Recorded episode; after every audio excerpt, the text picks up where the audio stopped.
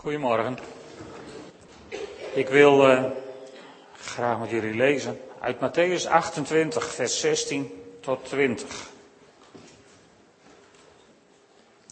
Matthäus 28, vanaf vers 16. De elf leerlingen gingen naar Galilea, naar de berg waar Jezus hen had onderricht. Toen ze hem zagen, bewezen ze hem eer, al twijfelden enkele nog. Jezus kwam op hen toe en zei, mij is alle macht gegeven in de hemel en op de aarde. Ga dus op weg en maak alle volken tot mijn leerlingen door hen te dopen in de naam van de Vader en de Zoon en de Heilige Geest. En hun te leren dat ze zich moeten houden aan alles wat ik jullie opgedragen heb. En houd dit voor ogen, ik ben met jullie alle dagen tot aan de voltooiing van deze wereld. Een heel bijzonder stukje. De leerlingen gingen naar Galilea. De leerlingen gingen op weg naar een plek waar ze wat hadden met Jezus. Waar ze herinneringen hadden met Jezus. De leerlingen gingen naar een plek die hun dierbaar was. In hun relatie met Jezus. En dan zien ze hem. En dan staat daar zo mooi. Jezus kwam op hen toe. Wij denken vaak dat we heel veel moeite moeten doen om, om op Jezus toe te gaan, om bij Hem in de buurt te komen. Maar Jezus kwam op hen toe, staat er. Ondanks het feit dat ze twijfelden. En dan zegt Jezus die prachtige woorden, mij is gegeven alle macht in de hemel en op de aarde. En even later zegt hij, en ik ben met jullie alle dagen tot aan de voltooiing van deze wereld. Als hij dat samenvoegt, dan betekent dat dat alle macht in de hemel en op de aarde met ons is, alle dagen tot aan de voltooiing van deze wereld. En wij als christenen maar bang zijn voor van alles en nog wat. Onbegrijpelijk. Nee, niet zo onbegrijpelijk. Want volgens mij begrijpen we niet half van dat wat er met ons is alle dagen tot aan de voltooiing van deze wereld. Als we dat zouden snappen, denk ik dat de meeste christenen anders in hun vel zouden zitten. Want wat gebeurt er met, met die macht die met ons is? Wat doet dat met ons? Nou, om op het nieuwe maandthema terecht te komen, onze lichtbron is het thema voor deze maand. Onze lichtbron. In Psalm 18, vers 28 daar staat het zo mooi, daar zegt David, de psalmdichter, U bent het die mijn lamp doet schijnen. U, Heer, mijn God, verlicht mijn duisternis. U bent het die mijn lamp doet schijnen. En er is iets wonderlijks aan de hand, want toen David deze, dit lied voor het eerst zong, dat staat in 2 Samuel 22, vers 29. Daar zingt David een loflied nadat hij van al zijn vijanden is verlost. En daar zegt hij niet van u bent het die mijn lamp doet schijnen, maar daar zegt hij u bent mijn lamp, Heer. U, Heer, verlicht mijn duisternis. U bent mijn lamp. U bent mijn lamp. God is mijn lichtbron. Daar hoeven we niet lang over na te denken. Onze lichtbron dat moet bij iedereen direct dat belletje doen rinkelen. Oké, dat gaat over Jezus. Hij is onze lichtbron. En alle, alles wat wij proberen te laten schijnen uit eigen kracht, overal waar we denken van wij zullen wel even, zijn we bij voorbaat verloren. Bij voorbaat mislukt. Als Jezus niet je lichtbron is, dan is het iemand anders, maar dan is het vals licht en dat houdt geen stand. Jezus is onze lichtbron. En David zegt het hier heel mooi. U bent mijn lichtbron. En, en waarom, ja, waarom de redactie van de psalmen daar later van heeft gemaakt. U bent het die mijn lamp doet schijnen. Daarover tast je slechts in het duister. Maar het mooie is dat er ook staat, u Heer verlicht mijn duisternis. En dan hebben we daar waarschijnlijk geen last meer van. U bent mijn lamp, Heer. U, Heer, verlicht mijn duisternis. Is dat zo in jouw leven?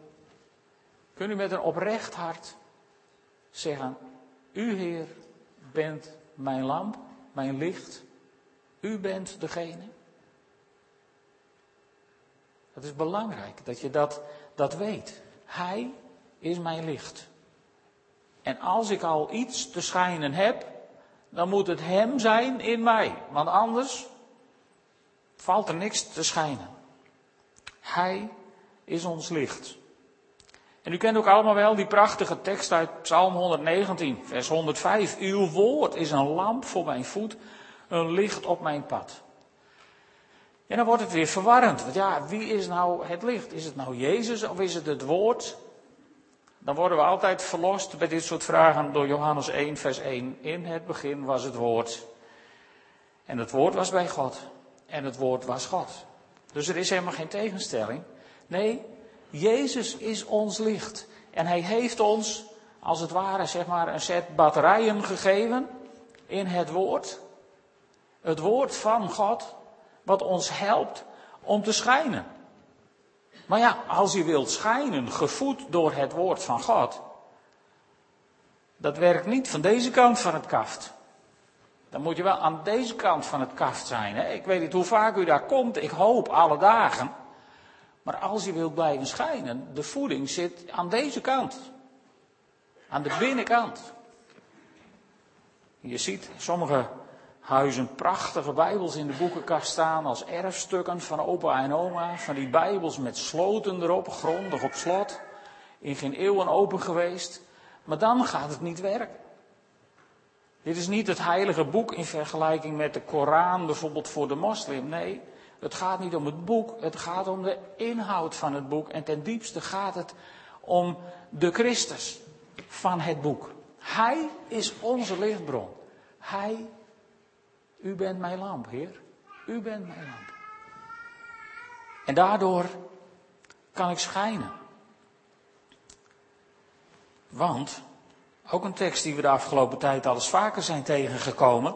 In 2 Korintiërs 4, vers 6 er staat, de God die heeft gezegd, uit de duisternis zal licht schijnen, heeft in ons hart, in ons hart, het licht doen schijnen. Om ons te verlichten met de kennis van zijn luister die afstraalt van het gezicht van Jezus Christus.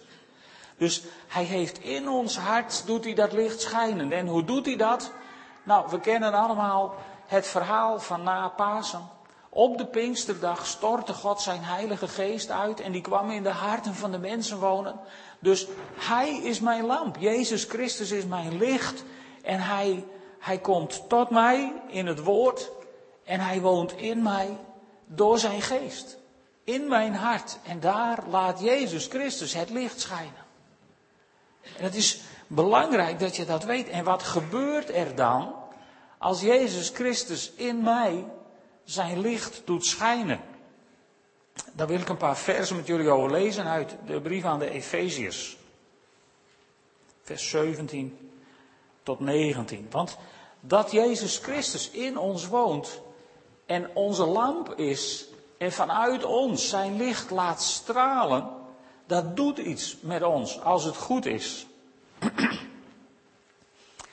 En in Efesius 1, vers 17 tot 19, en ik lees hem u zoals hij staat in de herziene statenvertaling. Daar staat, opdat de God, Paulus die zegt, ik bid altijd voor jullie, opdat de God van onze Heer Jezus Christus, de Vader van de heerlijkheid, u de geest van wijsheid en van openbaring geeft in het kennen van Hem. Namelijk verlicht de ogen van uw verstand om te weten wat de hoop van zijn roeping is en wat de rijkdom is van de heerlijkheid van zijn erfenis in de heiligen en wat de alles overtreffende grootheid van zijn kracht is aan ons die geloven overeenkomstig de werking van de sterkte van zijn macht. Prachtige versen. Dus wat gebeurt er als Jezus ons licht is? Nou, als je licht in je hebt, als je zeg maar bijgelicht wordt, dan gaan je ogen dingen zien. En als het licht aangaat, zie je dingen die je in het donker niet zag. Hij verlicht mijn duisternis. Hebben we gelezen. En dan krijg je verlichte ogen ook van je verstand. Dat vind ik zo bemoedigend. Van, van God gaat niet buiten je verstand om. Maar God wil ook niet buiten je gevoel om. En God wil ook niet buiten je emotie om. Nee, God gaat nergens buitenom, maar hij gebruikt ook je verstand. En hij laat je dingen zien. En dan, dan gaat het erom dat we zullen weten wat de hoop van zijn roeping is enzovoort. Dat we zullen weten. Ik heb aan het begin gezegd, wij, wij begrijpen niet half hoe groot alle macht in hemel en op aarde is die met ons is. Als we dat zouden begrijpen. Er staat in, in Johannes 4, vers 10, heel mooi verhaal, wat u waarschijnlijk allemaal wel kent. Van Jezus die die Samaritaanse vrouw ontmoet bij de bron. En dan hebben ze een gesprek. En op een gegeven moment zegt Jezus die prachtige woorden tegen haar. In Johannes 4, vers 10. Daar staat, Jezus zei tegen haar, als u wist wat God u wil geven. En wie het is die u om water vraagt, zou u hem erom vragen en dan zou hij u levend water geven. Als je toch eens wist. Dat is zo'n zo'n intrigerende opmerking uit de Bijbel. Als je toch eens wist. Als je toch eens wist wat God je wil geven en als je toch eens wist met wie je gemeenschap hebt. Als je Jezus toch eens echt tot in alle vezels van je wezen zou kennen. Moeilijk is dat. Het is veel makkelijker om heel veel over Jezus te weten. Ik bedoel, je koopt een paar goede boeken en die bestudeer je goed en dan kun je heel veel over hem weten. Maar als je die Jezus van die ingewikkelde boeken nou eens echt zou kennen. En als je nou eens echt zou een, een, een beetje een glimpje zou weten van wat God je wil geven. Zegt Jezus, dan zou je erom vragen. En dan zal God je geven. Want in Efeze 1, vers 17 hebben we dat gezien. Opdat God, de Vader van onze Heer Jezus Christus, de Vader van de heerlijkheid, u de geest van wijsheid en van openbaring geeft. God wil ons geven veel meer dan wij kunnen bidden of beseffen of bedenken of ons voor kunnen stellen. Dat wat God voor ons in petto heeft, voor zijn kinderen, is zoveel meer dan wij kunnen begrijpen. En, en ik denk een van de grootste struikelblokken in ons geloofsleven is vaak dat wij niet meer durven verwachten dan we kunnen begrijpen. Maar ons begrip is te klein om, om Jezus te vatten. Ons begrip is te klein om te vatten wat het betekent. Mij is alle macht gegeven in de hemel en op de aarde. Dat begrijpen we niet half. Alleen ik hoop dat dat niet in uw leven uw verwachtingen beperkt. Tot ook maar de helft. En ik zou ons met elkaar willen uitdagen vanmorgen om onze verwachtingen op te rekken. Of zoals het ook wel gezegd wordt in, de, in een tekst uit de Bijbel, om onze tentpinnen wijder te zetten. Zodat er meer ruimte ontstaat voor dat wat God misschien wel in, in uw leven zou willen doen. God is niet de limit. Onze verwachtingen van God zijn de limit. Wij zijn de grenzen van wat God in ons leven kan doen. Niet van wat God wil doen, want volgens mij wil God veel meer in ons leven doen dan wij kunnen beseffen. Alle macht in hemel en op aarde is met ons alle dagen tot aan de voleinding van deze wereld. Alle macht, kun je dat begrijpen? Als je dat even, even zo heel diep op je in laat werken en je, je denkt daar even over na, kun je je daar iets bij voorstellen? Als de Zoon van God zegt, alle macht is mij gegeven in de hemel en op de aarde en ik ben met jullie alle dagen tot aan de voltooiing van deze wereld. Begrijp je dat? Het gaat mijn voorstellingsvermogen ver te boven, moet ik heel eerlijk zeggen. En daarom vind ik altijd elke keer weer die uitdaging van Jezus in Johannes 4 zo tricky van als je toch eens wist, dan zou je erom vragen. Ik geloof dat we moeten leren om te vragen wat we niet altijd kunnen bedenken. In mijn beleving bedenken we vaak eerst wat we God allemaal zullen vragen. En dan hebben we al zoveel grenzen gesteld.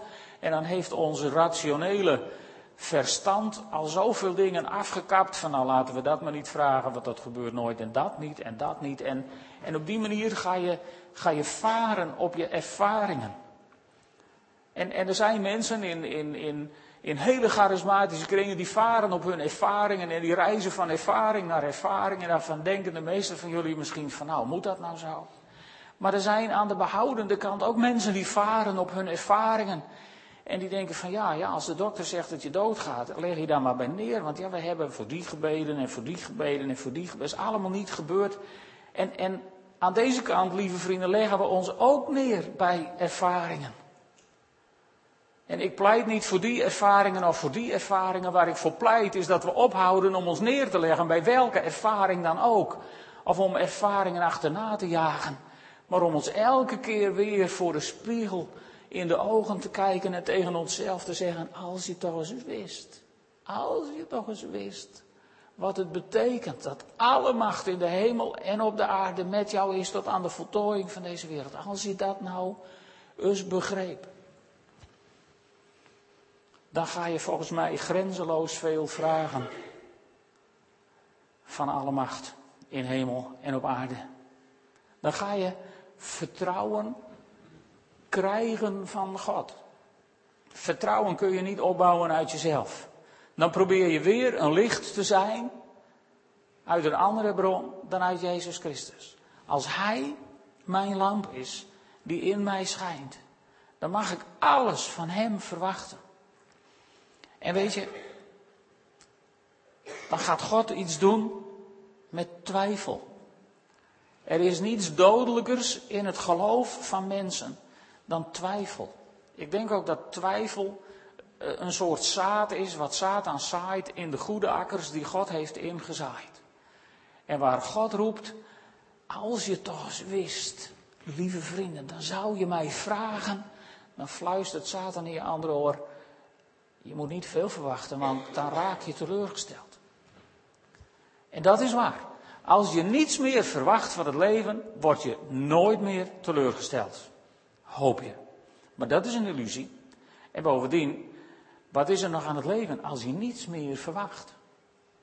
Wat is het leven niet spannend als je grenzeloze verwachtingen hebt van Jezus Christus en weet dat als je verwachting niet uitkomt, dat niet de teleurstelling jou in de macht heeft, maar dat alle macht in hemel en op aarde naast je staat om je, om je te steunen. Als Gods wegen anders zijn dan die van jou. Weet je, en soms gaat God andere wegen dan wij graag hadden gewild. Ik heb de afgelopen weken zo vaak met Peter gebeden dat God hem wilde genezen, dat hij zijn voet mocht houden en dat het allemaal goed zou komen. En Gods weg is anders gegaan. En, en ik, ik, mag zijn naam vast wel even gebruiken, vindt hij vast goed. Heb ik gisteren nog even met hem gepraat. En dan ontmoet je niet een Peter Bonhoff die bitter is geworden naar God. Je ontmoet niet een Peter Bonhoff die nou helemaal in zakken naar zit teleurgesteld van we hebben het gevraagd en het is niet gebeurd. We ontmoeten een Peter Bonhoff die, die, die, die glimt van de kracht van God in hem, of niet Annie? En, en die moedig is en die die toekomst heeft gelaten voor wat het was, met voet, en die nu druk bezig is met zijn toekomst met een andere voet straks. Mij is gegeven alle macht in hemel en op aarde. En dat zie je in zulke situaties. Daar kun je teleurgesteld over zijn. Maar teleurstelling heeft niet het laatste woord in het leven van een kind van God.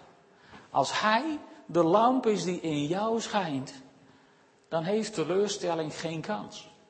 Want dan is God er elke keer bij als het anders loopt dan je graag had gewild. En dan merk je, en dan voel je, en dan ervaar je, en dan getuig je, met of zonder woorden, van het feit dat alle macht in hemel en op aarde met jou is tot aan de voltooiing van de wereld. Want de mensen die zien het in je gebeuren.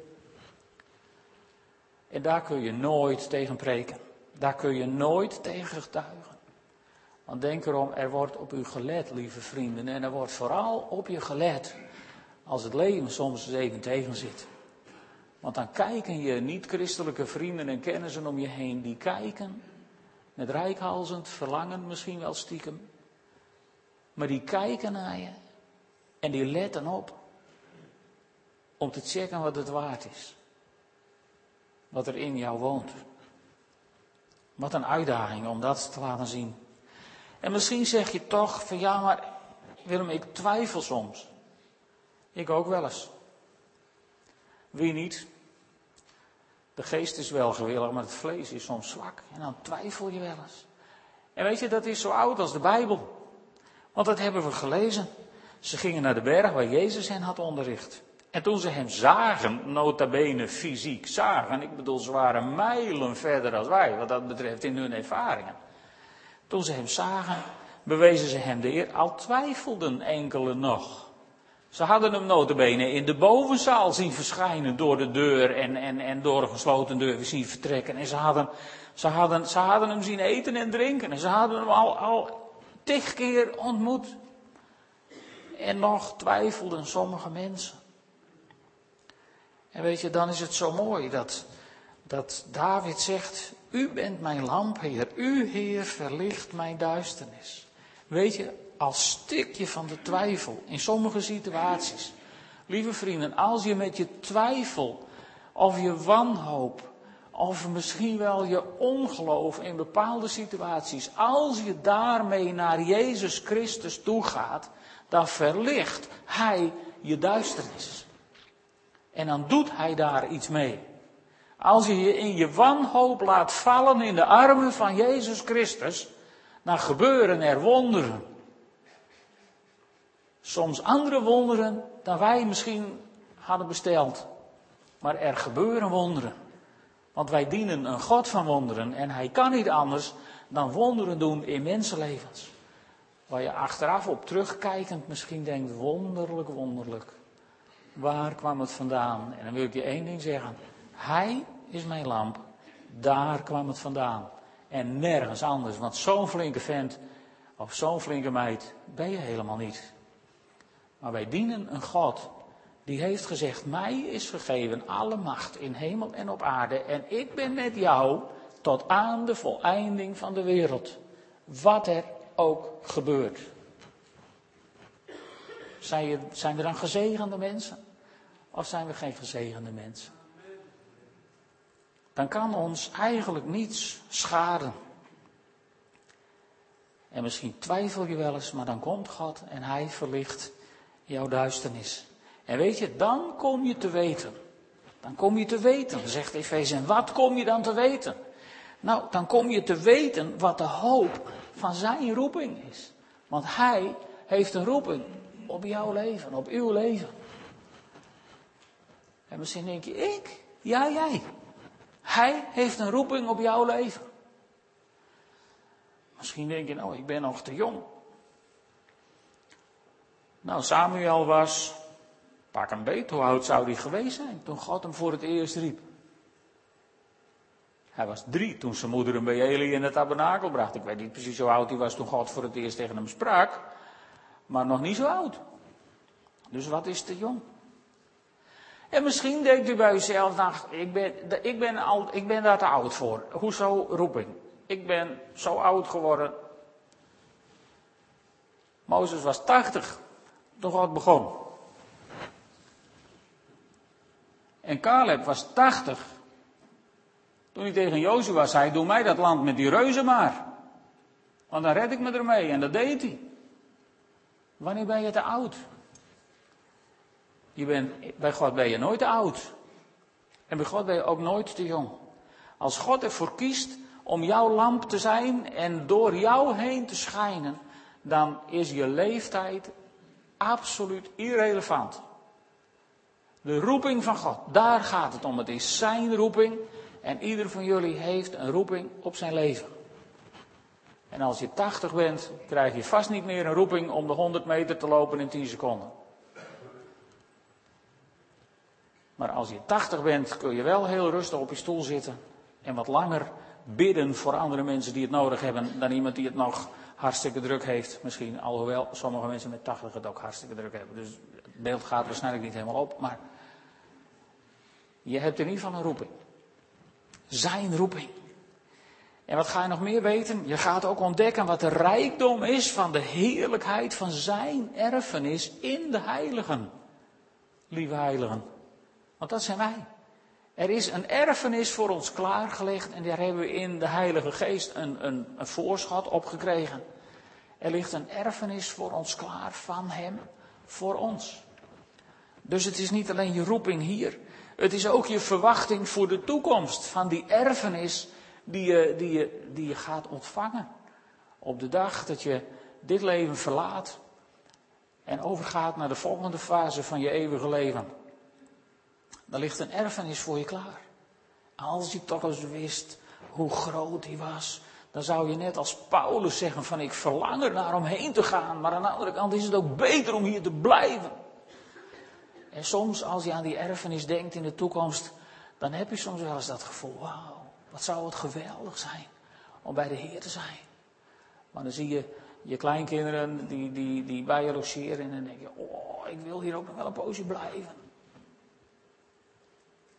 Eigenlijk is het gewoon goed. Er ligt een erfenis voor je klaar. En dan komt het mooie. En je gaat ook weten wat de alles overtreffende, dat zegt de herziene statenvertaling zo mooi, wat de alles overtreffende grootheid is van zijn kracht voor ons die geloven. Zijn kracht, hè? niet mijn kracht, zijn kracht. En die is alles overtreffend. Met andere woorden, er is niets in hemel en op aarde en ook niet in de hel. Wat groter is dan die alles overtreffende grootheid van zijn kracht. Alle macht in hemel en op aarde is aan hem gegeven. En hij zegt, dan weet je wat, en ik ben met jou alle dagen tot aan de volleinding van de wereld. Sterker nog, ik zal mijn Heilige Geest sturen en die komt in jou wonen. Met andere woorden, in jou woont alle macht in hemel en op aarde. Klaarstaand om je te helpen, om je te leiden, om je te laten schijnen. Maar niet om eigenwijs te worden, want het is zijn kracht. Het is zijn kracht en dat alles overeenkomstig de werking van de sterkte van zijn macht, zijn autoriteit. Hij is mijn lamp. Ik heb geen andere lichtbronnen. Hij is mijn lamp. Maar lieve vrienden, als we toch eens wisten hoe groot die alles overtreffende kracht is, die tot onze beschikking staat, dan zouden we meer durven vragen dan we tot nog toe doen. Zullen we gaan staan en samen bidden? Vader in de hemel, u, u daagde daar bij die put, bij Samaria, een vrouw uit. Door tegen haar te zeggen, als je toch eens wist. Heer, en ik, ik heb de indruk dat u ons ook aan het uitdagen bent, als je toch eens wist. En ik bid u, Heer, wilt u ons vooral blijven uitdagen? Wilt u ons vooral blijven aanmoedigen? Wilt u ons vooral blijven aansporen om, om steeds meer te begrijpen, steeds meer te kennen, te weten van die alles overtreffende grootheid van uw kracht? Heer, opdat we niet meer bescheiden aan u zullen vragen dat wat wij nog kunnen bevatten, maar dat we het lef zullen krijgen om u dingen te vragen die ons voorstellingsvermogen ver te boven gaan. Heer, want u hebt het zelf tegen ons gezegd. Mij is gegeven alle macht in hemel en op aarde. Heer, en, en dat is uw macht. Het is uw kracht. Het is uw grootheid. En u bent mijn licht. U bent mijn lichtbron. U bent de bron van dat wat ik mag uitstralen in deze wereld. Heren, en wat hebben we daar vaak klein over gedacht? Ik bid u om vergeving, heren, voor die keren dat we u hebben beperkt door ons voorstellingsvermogen. En ik bid u, o God, wilt u onze harten openen voor uw voorstellingsvermogen, zodat we volledig zullen begrijpen. Ach nee, dat kan helemaal niet, Heer. maar dat we steeds beter zullen begrijpen wie u bent, hoe groot u bent, wat de echte, echte implicaties zijn van Pasen, die wat we net hebben gevierd. Heer, leer ons meer en meer door uw Heilige Geest in ons. Heer, u bent onze lichtbron. En ik bid u, Heer, schijn maar in ons. Draai het licht maar omhoog. Niet zo hoog als ik het kan hebben, maar zo hoog als u het wilt maken. Want u bent mijn lichtbron. Daarvoor prijs ik u in de wonderbare naam van onze Heer en Heiland, Jezus Christus. Amen.